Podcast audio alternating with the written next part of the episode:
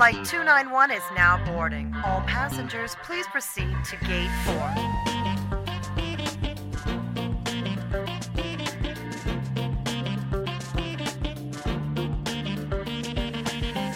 Hei og hjertelig velkommen til den aller første episoden av Reiseklar med EF, denne podkasten som er skapt for deg som elsker å reise og oppleve verden.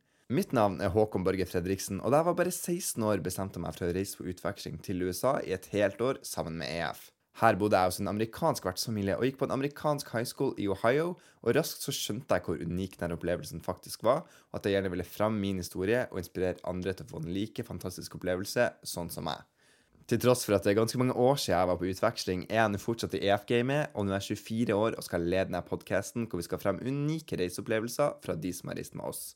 Vi skal få høre de ekte historiene og gi et realistisk innblikk i hvordan det faktisk går å reise med EF, så hver uke kommer det en ny gjest som skal snakke om et nytt tema, og vi skal prate om alt fra utveksling på begge to, EF sine språkreiser, Holt Business School, EF Academy og mye, mye mer. Vår aller første gjest er Benjamin Samble, og bare for noen år siden tok Benjamin valget om å reise til USA i et helt år for å leve utvekslingsdrømmen sin, sånn som meg. Men det å reise på utveksling er ikke bare bare. Det er mye forberedelser og mye man skal tenke på, mye planlegging og mye info. Så Benjamin er i dag for å snakke om når får man egentlig vertsfamilie, hva inngår i søknadsprosessen med EF, og ikke minst hvordan i all verden skal man pakke et helt år på 23 kilo. Derfor er Benjamin her i dag for å komme med sine beste tips til oss om hvordan få den beste starten på utvekslingsdrømmen. Velkommen hit, Benjamin. Tusen takk. tusen takk. Går det bra? Ja, nei, det går supert. Jeg er veldig spent på å være her. Ja, ja, nei, men så bra. Kan ikke du fortelle litt hvem er Benjamin til lytterne våre? Ja, si det. Si det. Jo, eh, Benjamin jeg, kan, jeg, jeg elsker å prate om meg selv i tredjeperson. Jeg synes det det, det, på, det er problemet problem jeg har. Ja, nei, Benjamin, holdt jeg på å si. Jeg er 23 år, eh, student på, her i Oslo, eh, for så vidt. Jeg dro på utveksling i 2017. Det var der eh, hva skal vi si, reisehistorien min starta. Jeg eh, jeg har reist en god del etter det, eh, for så vidt, så det er litt det vi er her for å prate om også. Absolutt. Eh, jobber nå også i EF som intervjuleder. Eh, har egentlig vært i EF hele veien siden jeg eh, dro på utveksling. Eh, ja, jo mer du spør, jo mer prater jeg. alltid, så det er, det er Benjamin. Ja, du er en gammel EF-legende. Vi møttes vel først på hva var det, Global Leadership Summit i Berlin? Berlin var helt Ja, det var der vi møttes, ja. ja, i 2018. Det er Ja. long time ago. Ja.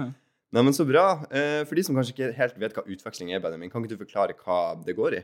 Jo, så utveksling med EF det foregår for det meste Altså Normalen er jo VG2. Da drar man eh, som regel ut på utveksling. Eh, det er både det jeg og Håkon har gjort, og samtlige av våre kollegaer som vi jobber sammen nå. Um, og da sender EF til uh, USA, England og Irland uh, på utveksling. Da blir man der i et helt år, og så lever man uh, hva skal jeg si, High School Musical. Det er jo litt Kanskje litt overdrevent, men ikke helt, faktisk. Nei, det er faktisk ikke det. Altså. Så altså, man lever high school life, i USA i hvert fall, så også i de andre destinasjonene også. Så kommer du hjem til Norge, som regel så går det fint, og så går man inn i VG3. da, Det er utveksling for det. Helt nydelig. Og eh, Vi har noen sånne faste spørsmål vi tenkte å stille til alle gjestene våre for å bli litt bedre kjent med deg før vi skal gå inn i dagens tema. Men da kan vi begynne med hvordan stat var du i? Jeg var i Nebraska. Uh, mer uh, spesifikt nå. holdt jeg det, ok, det, det er et problem man bare kan venne seg til når man sitter og hører på utvekslingselever. Da kommer det engelsk inn fra altså, ingensteds. Okay? Mer spesifikt, holdt jeg på å si. Så eh, var jeg i Oma uh, i Nebraska. Der var jeg. Ikke sant. Og du trivdes? Jeg trivdes eh, meget, for å si det sånn. Veldig godt. Ja. Eh, sparte du mye penger i forkant av utvekslingsåret ditt? Nei, jeg kunne vel gjort en bedre jobb der, skal jeg være helt ærlig. Jeg kunne kanskje ha jobbet litt mer og sånn, men det, eh, jeg, jeg hadde faktisk ikke spart så innmari mye, om jeg skal være helt ærlig. Der gjorde moren min en god jobb med å på en måte, hva skal man si, subsidiere, som man sier på godt norsk, sånn at jeg var i stand til å kunne dra. Ikke sånn luksus, da? Ja, si det. Ja, ja, hun har i hvert fall gjort det hun kan for at jeg skal kunne gjøre mye av det jeg vil, og det er jeg veldig takknemlig for. Så kult, da. Men eh, hva du brukte mest penger på da i USA? Uh, uh, mm, Flaming hot Cheetos. OK. Ja. for Det er for de som ikke vet, holdt jeg på å si. Jeg må jo forklare litt. da Flaming Hot Cheetos Det er uh, rett og slett den beste snacksen du finner uh, over i the States. ok Det er uh, litt sånn spicy, crunchy ostepop, kan man kalle det. Jeg, jeg dør for det der. Men har vi ikke fått det i Norge som på Fast Candy? Jo, men du får det jo for 9 kroner Nei, 9 kroner, det er 90 kroner. fy. det, det er helt latterlig. I USA så kan du få en sånn family size for sånn syv. Hvis du er heldig, ikke sant? Det er jo sånn Ja, ja, det er jo kjempebillig i USA. Ja, det er det. Det er, det er det jeg liker med USA. Det er liksom, det er liksom Alt er ekstra, det er det jeg pleier å si. Altså, du, får mye mer for mindre penger. Mer mat, mer drikke, større porsjoner og sånn. Og for meg som elsker å spise, så passer jo det råbra. Mer utvalg. Alt er mye større. generelt. Alt er stort i USA. Det er veldig behagelig. Neimen, Så bra. Eh, fikk du året ditt godkjent når du kom hjem? Det gjorde jeg faktisk. Det lå i god eh, planlegging. Eh, med, ja, og så er jo jeg litt sånn kontrollfreak også, da, selv om jeg liker også på en måte play it off. Uh, litt sånn der tranquila. Jeg er litt kontrollfreak, jeg skal ikke lyve. så jeg liker også å ha en plan. Uh, og så- liker jeg å på en måte vite at uh, jeg i det minste har gjort det jeg kan for at ting skal funke. Så eh, jeg gjorde det jeg kunne, og det, det løste seg bra for min del. Ikke sant. Ja. Favoritt-fastfood i USA, da? Åh, det er liksom det verste. Så. Favoritt-fastfood. Jeg har en sånn weak side for Racing Canes. Jeg skjønner ikke helt Racing Canes. Racing Kanskje det er en sånn Midwestern thing? Jeg. Jeg var i Midwest, men jeg så ikke det i Ohio. Oh, det. Ja, nei uh, Racing Canes, det er, det er en av de sånne Det er sånn Chick-fil-A uh. Ja, det er sånn, det er sånt opplegg. Da. Bare de har sånn der brød som uh, er på en måte stekt i smør-ish, og det er på en måte det som er the deal for meg. Uh, Men nei, nei, nei, nei! Ok, jeg har det. jeg har det Custard.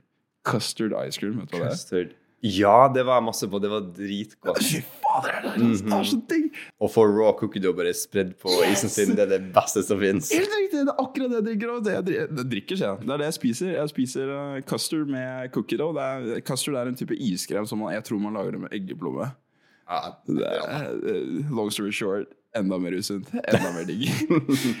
100% Ja. Hva savner du mest fra USA nå som du er hjemme? Oh my gosh, everything, bro. Altså Nei, det jeg savner mest fra USA nå når jeg er hjemme, rett og slett altså, jeg, eh, Hvis vi tenker tilbake til high school, da når jeg kom hjem fra videregående, så savnet jeg veldig sporten eh, og high school-spiriten som vi hadde på skolen. Det var mye større engasjement. Eh, og så savner jeg jo gutta da, fra USA. Og familien, ikke minst. Ja, det, det, man får, jeg får jo sett dem Eller jeg ser dem mye sjeldnere enn det jeg pleide å gjøre. ikke sant? Så jeg savner dem jo veldig. Vi er, vi er blitt en ordentlig familie. Så for min del så er jo det savnet.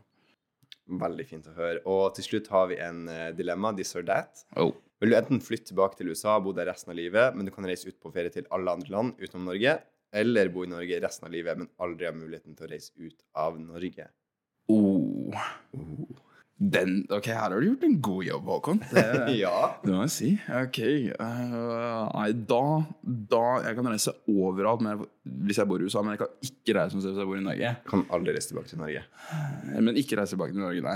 Nei. Hvis jeg velger Norge, da, så kan jeg Da, Da er det bare Norges ferie da er resten av livet. Nei, da er det USA, altså. Det er det, ja. ja, ja, nei, hvis det er sånn at jeg bare Jeg reiser så mye, jeg kan ikke bare bli i Norge. Det, det går ikke med meg. Nei. Nei, så da, jeg beklager, mine nordmenn. Det, vi kan skype. Nydelig. Ja, man kan jo møtes opp i Stockholm og Ja. Danmark. Det er jo litt samme vibe. Ja, ja, ja. Ja, Men så gøy. Vi er jo her for å snakke om tida før utveksling. Altså alt før alle forberedelser og hvordan tida faktisk er. Og Benjamin, husker du hvor gammel du var når du søkte på utveksling? Det gjør jeg. Jeg var eh, 16 år da jeg først eh, søkte, så det er jo en liten stund tilbake.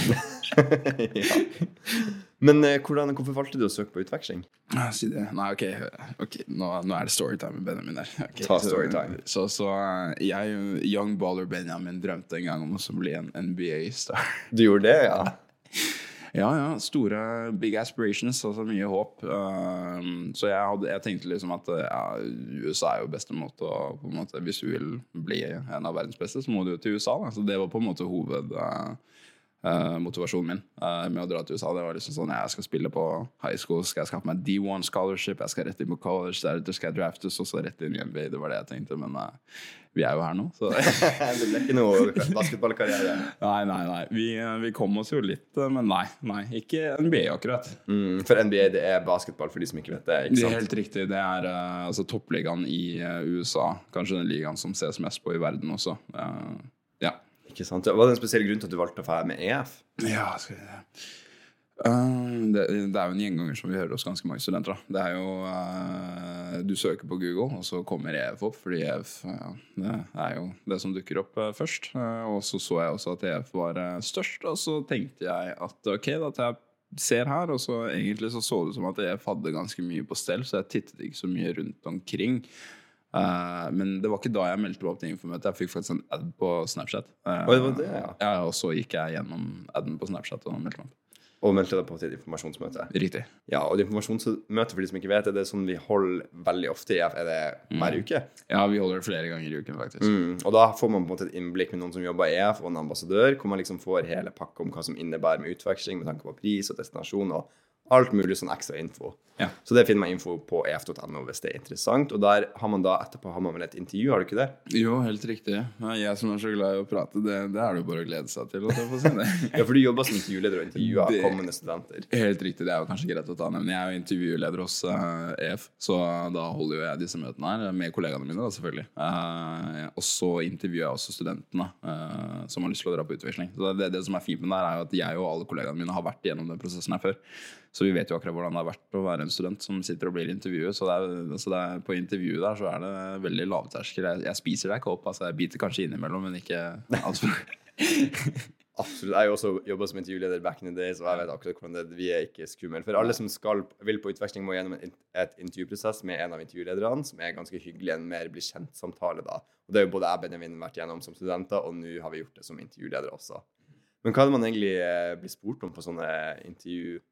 Nei, eh, på intervju så er vi interessert i å bli kjent med deg som person. Da. Eh, Så vi, vi, vi må ha litt praktisk informasjon. Altså hvor vil du, først og fremst. ikke sant? Eh, Det er jo greit å vite.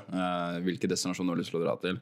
Litt sånn holdninger til utveksling, motivasjon, hva som ligger bak det. Så ser vi litt på helse og sånn, ikke sant. Psykisk og fysisk. I tillegg til litt sånn andre mer omfattende ting. Familiesyn på utveksling. Hva du har lyst til å gjøre, f.eks. Dine interesser, deg som person. Og så er det også en mulighet for deg som student å kunne stille meg spørsmål. Eh, Så hvis du har lyst til å høre noe mer spesifikt om meg, eller eh, det er noe konkret du lurer på som du ikke får svar på på informasjonsmøtet, så er det også en god mulighet for det. da. Men husker du når du var, når du var 16 og skulle på intervju, var du på en måte nervøs for det? For jeg vet det er ganske mange som er nervøse for sånne intervju, for de tror det er ganske big deal. Ja, ja, ja nei, selvfølgelig var jeg Jeg, jeg var jo eh, litt nervøs, jeg. men jeg skal ikke lyve. Altså, jeg er veldig glad i eh, oppmerksomhet i riktige settinger. ok, Uten å få det til å høres feil ut. Altså, hvis du setter meg på en scene foran 500 folk, sånn som vi har på avreisemøter når vi samler mange studenter eh, før de skal dra og så gir dem praktisk info. Jeg elsker det der. Når jeg jobbet i USA Det er mye Ja, når jeg jobbet i USA som superambassadør også, på camp og sånn, det å stå foran mennesker, jeg elsker det. Eh, så presentasjoner og sånn, det har på en måte alltid vært min greie. Eh, intervju og sånn, det føler jeg også egentlig at jeg winger ganske ok, så jeg hadde jo litt selvsikkerhet når jeg gikk inn i det intervjuet, da. Eh, men det var jo Altså, du, du kjenner jo på presset for å få det til ordentlig. Det gjør man. Men jeg hadde jo moren min ved siden av meg, så det gikk greit. Så bra. Og etter man har gjort intervjuet, da, så blir man enten godkjent eller ikke godkjent av IF til å reise. Og hvis man får grønt flagg, så blir man på en ganske omfattende søknadsprosess. Hva den søknadsprosessen innebærer? Nei, ikke sant. Der skal du tømme ut og tømme ut og fortsette å prate litt mer om uh, deg som person. Det er det. Jeg prøver også å bli kjent med deg som person, uh, så det er bare å forberede seg på å skrive litt. Men jeg tenker at uh, det, det, det er greit, for på en måte å reflektere litt, litt rundt deg selv òg. Så du, du skriver om alt mulig, rett og slett. Egentlig deg som person, dine interesser. litt sånn derre spørsmål, scenarioer, litt av hvert sånn, eh, egentlig. Og så er det jo sånn helsedokumenter og sånn, hvis det er nødvendig, som man har til å laste opp også. Så kan man til og med legge til en video, eh, hvis man har lyst til det, for å vise enda mer av personligheten sin. Så det er en omfattende, det er, det er omfattende, det kan man si. Mm. Og det er jo rett og slett bare for å bli så godt kjent med deg som mulig for å finne den best matchende vertsfamilien som de kan. Og, eh, men har du noen tips til de som skal søke, kanskje, om hva, hva man burde gjøre i en sånn søknadsprosess? Ja, ikke sant? Dere er jo så heldige som har en intervjuleder her som skal sitte og si dere tips på søknadsprosessen. så det er bra. Eh, Jeg tenker når det kommer til å skrive den eh, søknaden her, så er det greit å prate om det som du faktisk er interessert i. Og med det så mener jeg hvis du er veldig spent på å ta cheerleading i eh, la oss si USA, da, eller kjempegira på å ta gaelisk fotball i Irland f.eks., så ta og nevn det, da. Ikke sant? Ikke, ikke hold tilbake på det, på en måte. Altså, prat om det du har lyst til å gjøre, og så gjerne formidle liksom hvor Uh, hvor viktig det er for deg også. Ikke sant? Så få på en måte EF for vertsfamilie og ICs. Altså ICs er koordinator, da, uh, i hvert fall i USA. Um, de får uh, et litt sånn innblikk i hva det er som fenger deg, og det kan på en måte Ikke at man direkte får uh, hva skal man si, uh, muligheten av å spille gaelisk fotball, men det kan i det minste styre deg litt i retningen da, av å kanskje få spilte litt mer, så det er viktig å bare Jo mer, jo bedre. Nå, si, altså, nå, mener jeg ikke skrive en three page essay på en måte om eh, på en måte hvorfor du har et nært eh, forhold til bestemor. ikke sant? Men hvis du skjønner hva jeg mener, ja, ja. Det, det, det, tøm, altså, tøm ut og så skriv på en måte det som er relevant, ikke sant? og så har man mye å gå ut ifra. Mm, og vær ærlig, tror jeg. Vær ærlig med deg sjøl. Ikke prøv å legge på noen persona før søknaden, for det er ikke vits. fordi at eh, det kommer ikke til å gange deg uansett. Mm. For jo ærligere du er, jo mer realistisk plass kan vi finne til deg. Helt riktig. You heard it here first, people. Uh -huh. og så, etter man er ferdig med søknadsprosessen, så får man jo tildelt en vertsfamilie og skoleplass og alt det der. Mm -hmm. Husker du når du på året fikk tildelt din vertsfamilie? Ja, men nå tar vi litt sånn der, så går vi noen, noen, år tilbake her. Så ser vi for oss da jeg fikk vite om familien min. Så jeg uh, var ute og hjalp uh, mor med å bære inn uh, varer etter jobb, fordi jeg er supersterk og en veldig god sønn. Mm -hmm. så, Kudos. yes. Så jeg hjalp henne med å bære inn, og så så jeg på mobilen min her grunn, så så jeg at jeg hadde fått en mail, og der sto det 'Hei, gratulerer, du har fått vertsfamilie, kjempespennende'. Og jeg bare 'Oh my gosh'. Ikke sant? og så sier jeg det her til mamma, og så mamma bare 'Ja, men åpne, da'. Ikke sant? Så setter vi oss ned på bordet som vi har utenfor inngangsdøren. Uh, og så tar vi og ser, og så leser jeg litt, og så hopper jeg egentlig rett til stat og familie og sånn, bare å se med en gang. ikke sant? Og der ser jeg at jeg har fått tildelt familie i Omaha, Nebraska. Og så sto det at jeg skulle ha en dobbeltplassering med en spansk eh, student også. Det første initielle spørsmålet mitt var What the is Nebraska? Ikke sant? Ja, ja. Uh, nummer to uh, Uh, denne spanske studenten. På en måte, hvordan kommer det her til å bli? Ikke sant? Fordi da, Initielle tankegangen min er sånn Jeg kommer familien til å ha nok tid til meg? Ikke sant? Mm -hmm. Fordi vi blir jo to. Og da tenker jeg ja, da må de ha 50-50 oppmerksomhet på begge to. Da, når jeg egentlig skal ha 100 ikke sant? Så Det var den initielle på en måte responsen min, da. Men eh, det viste seg jo at uh, dette her var en fantastisk uh, plassering. I hvert fall for deg som er så glad i oppmerksomhet, så er det kanskje litt sånn hardt å dele rampelyset. har putt meg på spissen her, Håkon. Ja. Nei, men Kan ikke du forklare hva en dobbeltplassering er? hvis noen ikke vet hva Det kan jeg ta også gjøre. En uh, dobbeltplassering i EF det er rett og slett to studenter i samme vertshjem. Det kommer ikke til å være to studenter fra samme land. Eh, det kan vi også ta oss og si. Det er av naturlige årsaker, sånn at man ikke bare sitter og prater norsk. Selv om du sier at du ikke skal prate norsk, så kommer du til å prate norsk. 100%. 100%. Så derfor eh, er det fra forskjellige land. Men det var den dobbeltplasseringen der den viste å være Det er den beste vennen jeg har hatt uh, noen gang, tror jeg faktisk. Men du ble vel spurt på forhånd om det var greit? Det ble jeg. Mm, det. For, for, det er sånne ekstra ting som man kan bli spurt om, og så kan man si ja eller nei om det, det man ønsker, og da kan det hende man får en dobbeltplassering eller ikke. Ja, ja. Men eh, fordeler, pros and cons på å ha en dobbeltplassering, fordi at eh, du blir jo kjent med både den spanske kulturen og den amerikanske kulturen mm -hmm. på et vis. Mm -hmm. uh, jeg, tenker, jeg har ikke opplevd noen uh, egentlig, for min del. Ut fra det jeg har sett av dobbeltplassering. skal jeg være helt ærlig. Eneste con kan være at man eventuelt ikke kommer overens. på en måte. Uh, det er jo det, men Som regel så går det ut fra det jeg har sett, så, så, går det jo helt greit. for min del, da. Så det er som Håkon sier. Jeg, jeg ble jo kjent med en annen kultur på toppen av det hele. ikke sant? Jeg lærte meg litt sånn spanske ord og sånn. Uh, Pene ord, selvfølgelig. Ja, selvfølgelig. Ja. I tillegg til det, så det gjør det litt enklere første skoledag. Du har noen å lene deg på. ikke sant? Du har noen å dele erfaringene med. Du har noen som er i akkurat samme situasjon som deg, så du har noen å prate med til enhver tid. Som regel, ikke sant? Dere står i det sammen. Du er ikke like selvstendig som man ellers ville vært da, med en enkeltplassering. Uh, også hvis man klikker sånn som jeg og uh, Versbroren min, han er Tegg. Um, han fra Spania, uh, eller var det Han fra Spania. Ja. ja, for Hadde du flere vertssøsken, eller hadde du bare han? Det, vi, vi, hadde en uh, bror på toppen av det hele også. Uh, ja. Så, så han, han het Tegg, han fra Spania, holdt jeg på å si. Og vi, vi, klikket da altså minutt nummer én. Så, wow. Var han like gammel som deg? Nei, han var to år yngre. var han. Såpass, ja. Mm. Og den tredje vertsbroren, hvor gammel var han? Han var, han var fem år eldre enn meg, tror jeg. Ok, Gikk på college? Han gikk på ja, no, var han ikke ferdig? Jeg tror han var ferdig. jeg husker ikke.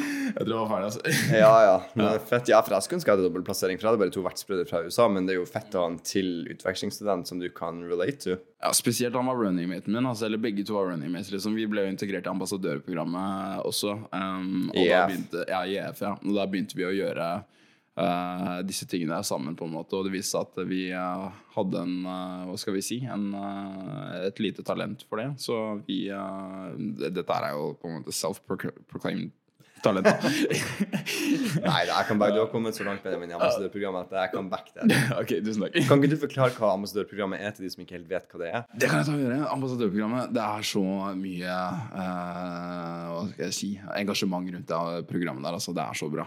Eh, ambassadørprogrammet i EF det er på en måte en mulighet for deg som student til å kunne dele mer av din erfaring. Når du kommer hjem til Norge, f.eks., uh, så er det kanskje altså, Familie og venner er veldig spente på å høre om historien din første uken. Men når du er på uke fire og du sier eh, 'Den gang jeg spilte amerikansk fotball for femte gang', da er det kanskje ikke like gøy lenger. ikke sant? Nei. Eh, Men det er veldig mange andre som har lyst til å høre historien din. Nye studenter. ikke sant? Og da er ambassadørprogrammet der. Da kan du involvere deg i eh, EF, og så kan du gjenfortelle historien din flere ganger. ikke sant? Og så rett og slett, Det er litt sånn der brand ambassador. altså Du fremmer jo EF, og det er på en måte EF står for. her, og Så har man også prosjekter og sånn. Og sånn som jeg og Håkon nevnte tidligere, så er det jo også andre ting. Sånn som et summit som vi hadde i Berlin. ikke sant? Det var der vi to møttes. ikke sant? Og der, mm jo- jobbet, altså Det er forskjellige tema hver gang. Eh, der jobbet vi med å utvikle eh, Var det ikke noen nye unge ledere og sånn? Jo, Ja. ledererfaringer, på en måte. Ikke sant? ikke sant? Så det er veldig mye forskjellig. Og så kan man også ja, det, altså det, det er vidt spann på det ambassadørprogrammet. Det er, altså, men long story short, det er det som er essensen i det. Ja, og det er helt vilt, for du kan gjøre veldig små ting. Du kan alt fra henge opp plakater til å jobbe i New York, Washington DC, alt mulig. Det Yes. kommer veldig an på. Og Yes. jeg og Benjamin har fått veldig mye ut av ambassadørprogrammet, begge to. Ja, ja. Ambassadørprogrammet kan du liksom gjøre. Det er også noe som heter pre-ambassador program, så du Mm. kan jobbe som ambassadør faktisk før du drar, under året ditt og etterpå. Mhm. Og det er å anbefale virkelig, for man kan få veldig mye muligheter av det. Og nå sitter jo både jeg og Benjamin her i dag, fortsatt involvert i EF, selv om vi er gamle dinosaurer i forhold til de nye utvekslingsstudentene. Nei, men Nydelig. Men hvordan var det å få vertsfamilie? Altså, hva var det første du gjorde? Tok du kontakt? Stalka du hvert minste krok rundt hjemmet ditt? Var du på Google Maps og skulle se huset ditt, eller? Ja, det gjorde jeg faktisk. Google Maps, den, det helt riktig. Det, det gjorde jeg. Jeg prøvde også å se på en måte, men jeg var jo ikke eh, Altså, jeg var ikke orientert i Omaha i det hele tatt, så jeg skjønte jo ingenting. på en måte Jeg tenkte at her, det her ser veldig firkantet ut, tenkte jeg da. Det er jo en gjenganger, mener jeg, da. I, uh, i USA ting er litt firkantet. Sånn stat, da? sånn? Ja, og så Ja. på en måte byene og sånn. Ja. Ikke sant? Altså Kvartalvis på en måte så er det Jeg føler det er veldig firkantet. på en måte De navigerer gjerne gjennom sånne stater. Så de sier f.eks. 120th and Pacific. Ikke sant? Så da er det to gater som på en måte krysser hverandre. da Så bruker de det for å navigere. Det er sånn der fun fact, liksom. Eh, Men jeg, jeg tok og Uh, stalket ganske greit, ja. Jeg gikk inn på vertsmor sin profil, og så prøvde jeg å finne vertsfar, men han hadde ikke Facebook-profil, så der klarte jeg ikke å finne han. Og så han vertsbror, han et han, han, går, han bruker jo ikke navnet sitt ordentlig på Facebook, så han fant jeg ikke. Såpass, ja. Nei, det, er- altså, han går med rappernavnet sitt på Facebook. Så det, det er det. Ikke sant, det, er, men ikke verst. Det. Ja, men jeg kjenner meg igjen. Jeg husker jeg snakka hver minste ting. Hvor langt var det nærmeste matbutikk? Hvordan fastfood-restauranter var det i nærheten? Hvordan var skoler? Var det liksom Chick-fil-A i nærheten? Hvor det alle sånne ting er bare stalk, stalk, stalk, stalk, stalk. Ja. Men um, tok du noen gang kontakt med vertsfamilien din, da? Det gjorde jeg. Jeg tok kontakt med vertsmor uh, like etter at jeg fikk uh, familie. Eh, og så tok vi egentlig bare og pratet der liksom frem og tilbake frem til eh, avreise, og så møtte jeg dem da i USA. da. Spennende. Hadde du noen gang FaceTime-samtale med dem før du for? Det hadde jeg faktisk ikke. Du hadde ikke det, Nei, det er mange som har det. altså Veldig Eh, mange. Grunnen til det Jeg kan ikke tenke tilbake til det engang. Det, nå var jeg, jeg fikk jo familie ganske nærme avreise, skal jeg være helt ærlig. Um, så det kan jo kanskje ha vært derfor. Det kan være det. Ja, for eh, når på året var det du fikk? Jeg fikk Skal jeg ta storytime igjen, eller? Ta storytime. Ja, greit. Så um, jeg eh, hadde veldig problemer med å bestemme meg for om jeg skulle dra på utvisning. Uh, jeg hadde egentlig bestemt meg for å ikke dra. Kan du tenke deg det? Oi, cool. all verden. Du Ikke er sånn. jo utvekslingsrepresent nummer én her. ja, det er, helt, det er helt sykt å tenke på, faktisk. Jeg hadde bestemt meg for å ikke dra. Um, det var fordi jeg var så usikker på om jeg skulle få det godkjent som uh, VG3. Um, og da, da, da satt jeg meg ned til slutt og sa jeg, vet hva, jeg føler det er litt for risky for min del, så jeg, jeg, jeg drar ikke. Og så tre dager etter at deadlinen hos EF egentlig hadde gått ut, så ringer uh, Jonas, som jobbet der tidligere.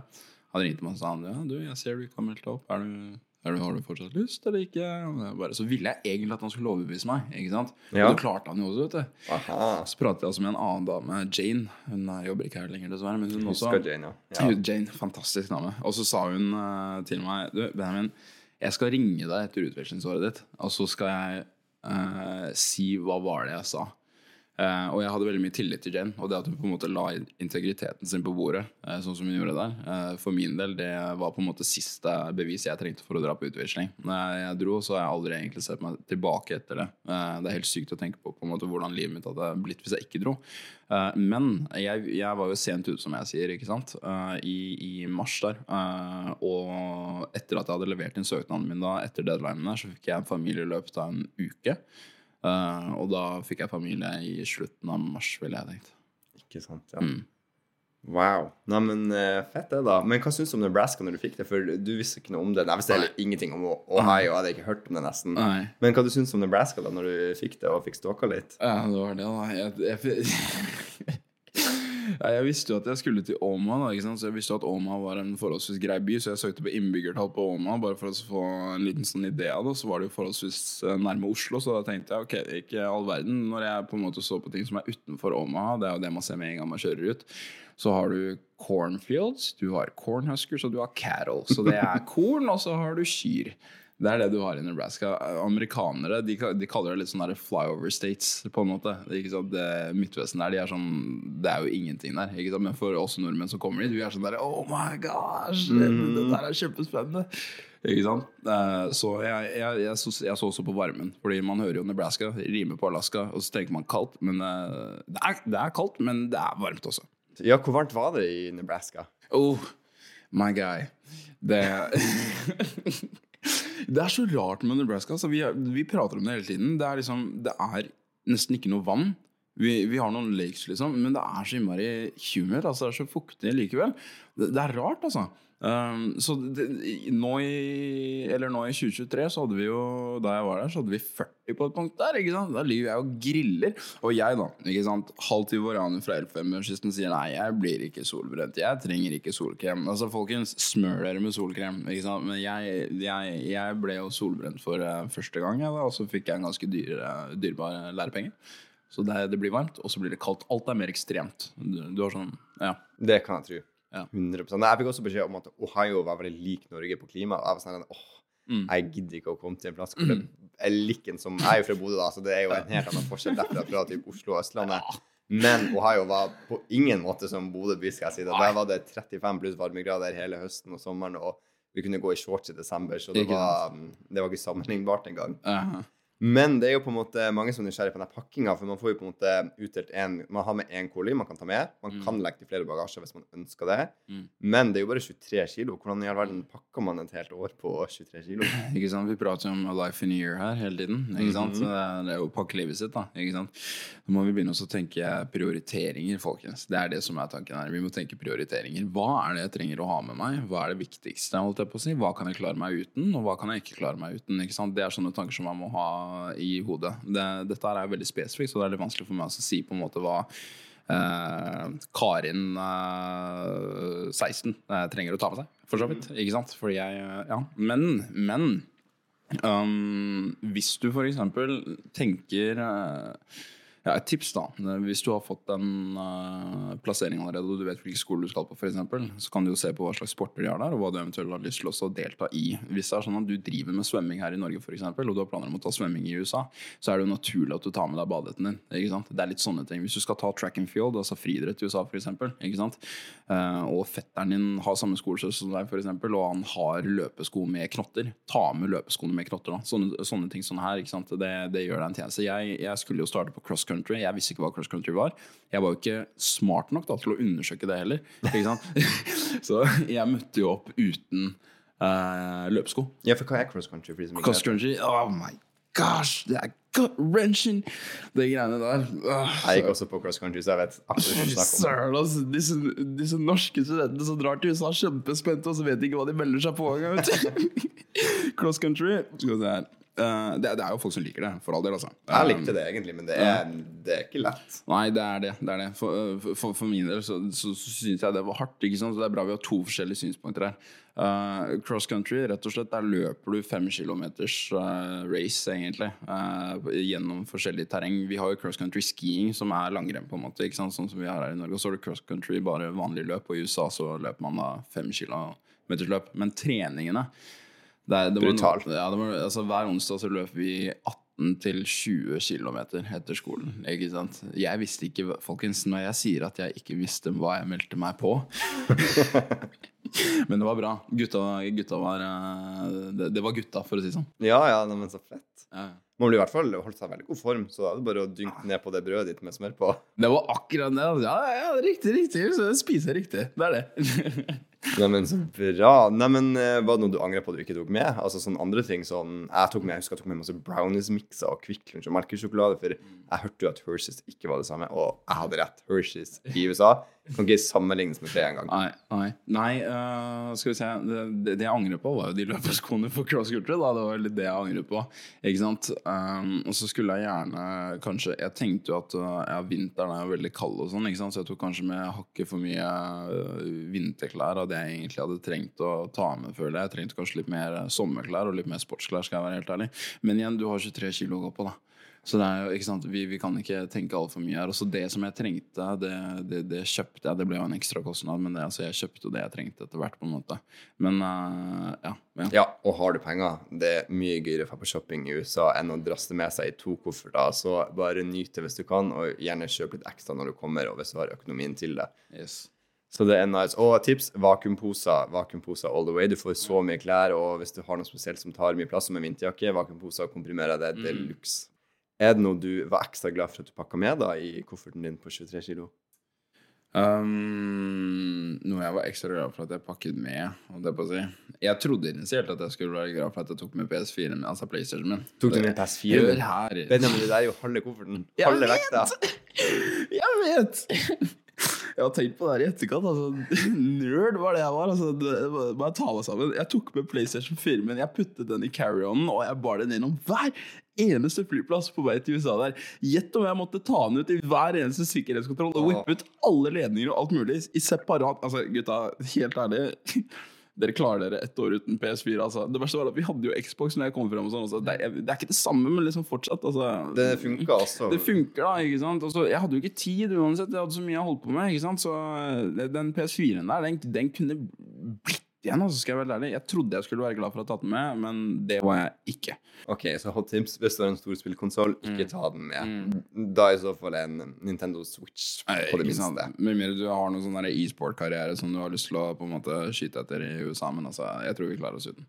Neimen, nei, men så bra. Men det med godkjenning av fag, det er jo mange som er litt sånn usikre på det. Og som sagt, du var jo også stressa for det. Men eh, er det noe man må gjøre før man reiser til USA? Sånn for å sikre seg at året kan bli godkjent? Oversikt, oversikt, mine folk. Oversikt. Vi må eh, Du må ha det klart hva slags fag det er du har valgt som programfag. Det er også ganske viktig. For min del så hadde jeg valgt noe sånn økonomistyring.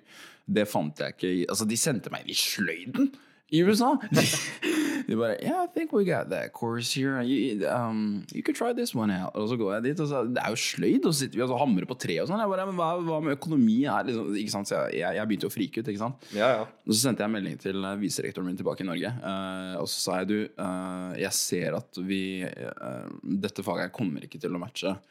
men de har psykologi, og vi har jo psykologi på skolen vår. Kan jeg bytte programfag?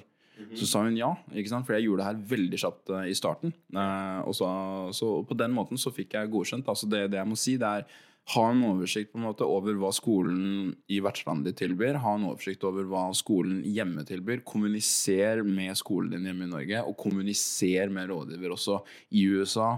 Og så skaff deg gjerne eh, altså skrift, Gjør det her skriftlig, og, ikke sant? sånn at du har noe så, altså kvittering på de tingene her. ikke sant? Og så bare prat, og så prøv å forsikre deg så mye som mulig, sånn at du på en måte kan chille resten av og ikke stresse med det skolegreiene her. Absolutt. ja. Og de fleste rådgivere på norske skoler har som regel erfaring med utvekslingsstudenter. De vet hva som kreves hvis de skal bort, hva de må ha for å få det godkjent. Så bare ta en åpen dialog, og de har ofte åpne kontorer, så du bare stikk innom for en prat, egentlig. Yep. Og det jeg fikk, jeg fikk utskrevet alle de emnebeskrivelsene fra skolen min i Norge. Jeg fikk de oversatt til engelsk av rådgiver. Han printa det ut for meg. Jeg tok det med til rådgiver i USA, og så så vi på emnebeskrivelsen og prøvde å matche det med lignende fag da i USA da, for å få det best mulig. Og det var egentlig det jeg gjorde, å bare ha åpen dialog. Jeg vet at noen eh, som har, får jo ikke norskfaget i USA, f.eks.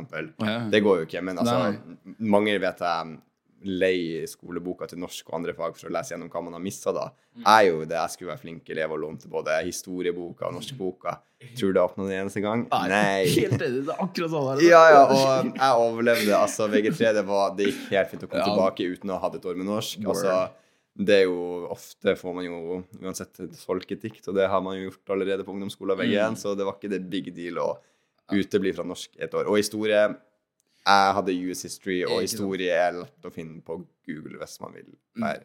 Kom seg lett unna. Ikke et tips, men det funka. Ja, det, det er et par dikt fra Ibsen som du hopper over. Skal jeg, altså, nå skal jeg ikke bagatellisere det, altså, men det er, det er, det er noen sånne Ivar Aasen-greier som man ikke helt uh, får med seg. Så kommer man tilbake, og så kan du alltid lese det. Artig Ivar Aasen. Ja, det er Ivar Men hvor lenge skal du holde på med Ivar Aasen? Ja, på- Altså, Tenk om 100 år er det blogginnlegg fra Sofie Elise Ja, kommer til å ta. Det er plutselig. Ja, det var bra, altså. ja, bra, altså. ja. Nei, men så bra. Men eh, pakka du med noe gave til vertsfamilien din? Mm, ja, ja, der er jeg god, ass. Hør her, hør her. Jeg tok med um, Skal vi se her, Hvis du har lyst på litt sånne der morsomme ansiktsuttrykk Det er litt vondt, da. Men eh, da, da kan du ta med makrell i tomat. Det er ikke alle som er vant med det, f.eks. Du kan ta med Eller så kan du ta med leverpostei også. Eh, det, det, det, da får du, ja, det er klassiker, ikke sant. Men uh, brunost også, da får du også litt sånne merkelige reaksjoner. Det er også en ting du kan ta med. Jeg tok med ostehøvel som gave. da. Eh, foreldre liker gjerne norsk røkelaks. Den, den er alltid en slager. ikke sant? Um, Gudmoren min over i USA hun elsker Smash. Hun elsker også norsk syltetøy, f.eks. Altså, de har ikke Smash borte heller. Du kan ta med Dime, f.eks. Ikke sant? Det er, eh, altså, jeg kan gå an. Du kan ta med en, norsk, eh, en, en, en bok om norske fjorder. Du kan ta med et lykketroll. Altså, det, det, altså, det er mye, altså. 100 For eh, det er vel, mange tar med en gave til vertsfamilien som en liten sånn tolk fra sitt hjemland. Som en Mm. liten sånn takk for at de har det, og det er veldig hyggelig. Og man kan bonde liksom over den gaven, da. Ja. Så mange gjør det. Og når jeg var på utveksling, så tok jeg med en brunost, for jeg tenkte det er gøy, og en osthøvel, liksom. Mm. Og vet du hva vertsfamilien min gjorde? Øh. De tok med brunosten på en ost, kjeks, og vinkveld med naboparet. Og sitter og drikker vin og tar ost på Ritz-kjeks, og da er det brunost. Det er jo ikke lov. Det er som å ta brunost på pizza. det går ikke, altså. Nei, og de sa eh, 'nobody liked it', og jeg er sånn Selvfølgelig likte dere ikke det. Det er så, bro. Det skal ikke på ost og det skal på vaffel. Ja, det det. Ja, det skal på vaffel. Ja, ja. Ja. Word. Så um, gjerne ha noen instruksjoner til hvordan det skal brukes, og så det ikke blir feiltolka. Men eh, faktisk har jeg smakt sånn eh, brunost på havregrøt. Er faktisk veldig godt. Ok. Jeg smakte i Trondheim, vi hadde det i barnehagen jeg jobba i, og det var nydelig, faktisk. Men jeg har aldri raspa en brunost før det, og det føltes så feil ut. å raspe en brunost. Raspe brunost. det- Raspa brunost, ja. Og så har du det på havregrøten som du skal ha den på pizza. på en måte Så det var litt forstyrrende i starten, men det var faktisk veldig godt. Så det er lite tips til dere som vil smake som havregrøten. Ta litt brunost oppi og se hvordan det er. Ja, nei, det er interessant. Altså, jeg skal prøve det. Ja, ja. Ja, Ja, og jeg husker mamma kom på besøk, og de tok med et sånn stygt norsk troll ja. til vertsmora mi. Og de, og de syntes det var sykt kult å få det i USA, og de satt jo øverst i hylla si sånn i stua, og jeg tenkte vil dere egentlig ha trollet i stua? For det er jo trollet er jo ikke noe pen. Nei, ikke Men, så jeg lurer på hvor lenge sto det trollet der, eller tok de det ned med en gang jeg for? For det, jeg sa til dem dere kan ta det ned når foreldrene mine har dratt. Altså, jeg bryr meg ikke. For norske troll i suvenirbutikk, det er en klassiker. Det er veldig artig, men estetisk pent? Mm, Nei, det er det, da. Det er ikke det. helt. Men sikkert gøy i starten, i hvert fall. Ja, det finnes penere ornament, skal jeg være helt ærlig. Det gjør jo det. Jeg tok også med en norsk kokebok, eksempel, og det er jo artig, for da kan man lage norske matretter i lag. Mm. Um, og det er veldig gøy, og da kan man bonde liksom, med vertsfamilien og litt forskjellig. Men eh, hvordan er det å se, nå er det jo noen år siden, men hvordan er det å se tilbake på hele utvekslingsåret ditt nå, da? Oh, oh, ja, si det. Altså, det som uh, på en måte ble grunnmuren min for uh, videre vei i livet, det var utveksling, altså. Det var det, ja. Ja, ja, absolutt. absolutt, Det ble det. Uh, fordi, hva skal jeg si man, altså, Enkelte blir bitt av en sånn bille, reisebilen, når man drar først, og så bare sprenger det derifra, og så reiser man overalt. ikke sant? Og det var i mitt tilfelle også. Som man ser, så jobber jeg jo i EF. ikke sant? Eh, eh, jeg har ikke noen planer om å slutte heller. Eh, og første reisen min var jo på utveksling, ikke sant? og jeg fikk et ekstremt godt forhold med familien min nå. Så jeg, jeg er hjemme hvert Når jeg sier ja, USA, da. Jeg er hjemme hvert eneste år. Nå i Oi, 2020 ja, Du reiser tilbake til vertsfamilien hvert år? Hvert år. Det, Oi, ja, nå, såpass, ja. nå i 2023 jeg var der i tre måneder. Tre måneder? Ja. Wow, Ja, ja, så fett. ja, gutta mine er der. Gutta fra high school som jeg pleide å spille basketball med i uh, gymmen også. Vi eh, drar ut og holder på alt mulig. Vi, de kommer til Spania nå, da, da må jeg selvfølgelig også møte opp der, ikke sant? Nå i år. Um, så jeg kan jo si at uh, det var en sånn katapult for videre planlegging i livet mitt. Nå har jeg vært i, Etter det så dro jeg til Jeg bodde i Paris der, ikke sant. Og så uh, dro jeg inn i militæret, og så har jeg vært masse tilbake i USA. Og så kom jeg akkurat hjem fra Strasbourg ikke sant? for tre uker siden. uh, Seks måneder der, for eksempel. Ikke sant? Så, så videre til USA igjen, mest sannsynlig til høsten. Så det er sånn ja, veldig decisive for min del. Så det er veldig verdifullt. Det er sånn turning point i mitt liv. Uh, det er på en måte noe jeg konstant faller tilbake på det utviklingsåret. da. Wow, så inspirerende. Jo, tusen takk. Jeg har tenkt, tenkt mye på det. Nei, men så bra. Men jeg, det var alt vi rakk for i dag. Men, men tusen takk for at du tok deg tid til å være med på denne podkasten. Setter veldig pris på det. Ja, takk som hadde meg her. Okay, for Så- Jeg håper folk har uh, dratt nytte av det jeg har hatt å si. altså. Ikke ta med PS4 i hvert fall, og instruer dem med Brunos hvis dere gir det. rasp, rasp. Ja, ja, ja. Hvis du er mer interessert i EF, så er det bare å sjekke ut ef.no, hvor du kan finne mer informasjon, brosjyrer, kontaktinfo og enda flere historier fra oss. Og hvis det er et spesielt tema eller noe du ønsker å høre i denne podkasten, så er det bare å sende oss en DM på Instagram, enten EF Norge eller EF Utveksling. Og gjerne følg oss der, og på TikTok og på Snapchat, så ses vi neste uke med en ny episode og med en ny historie. Tusen takk for oss. Ha det bra.